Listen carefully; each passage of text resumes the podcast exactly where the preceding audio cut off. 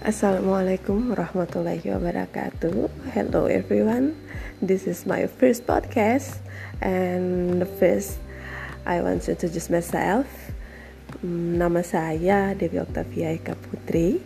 Saya seorang ibu rumah tangga yang juga uh, sebagai seorang ASN di salah satu instansi pemerintah. Nah, di instansi pemerintah ini uh, tugas saya menyampaikan kepada masyarakat halayak ramai tentang bahaya penyalahgunaan narkoba. So, uh, di akun saya ini kita akan lebih banyak sharing mengenai penyalahgunaan narkoba, penanganannya serta uh, berbagai tips karena saya seorang ibu rumah tangga dan juga punya tiga orang anak maka kita akan juga berbagi tips mengasuh dan eh, menyusui kira-kira seperti itu.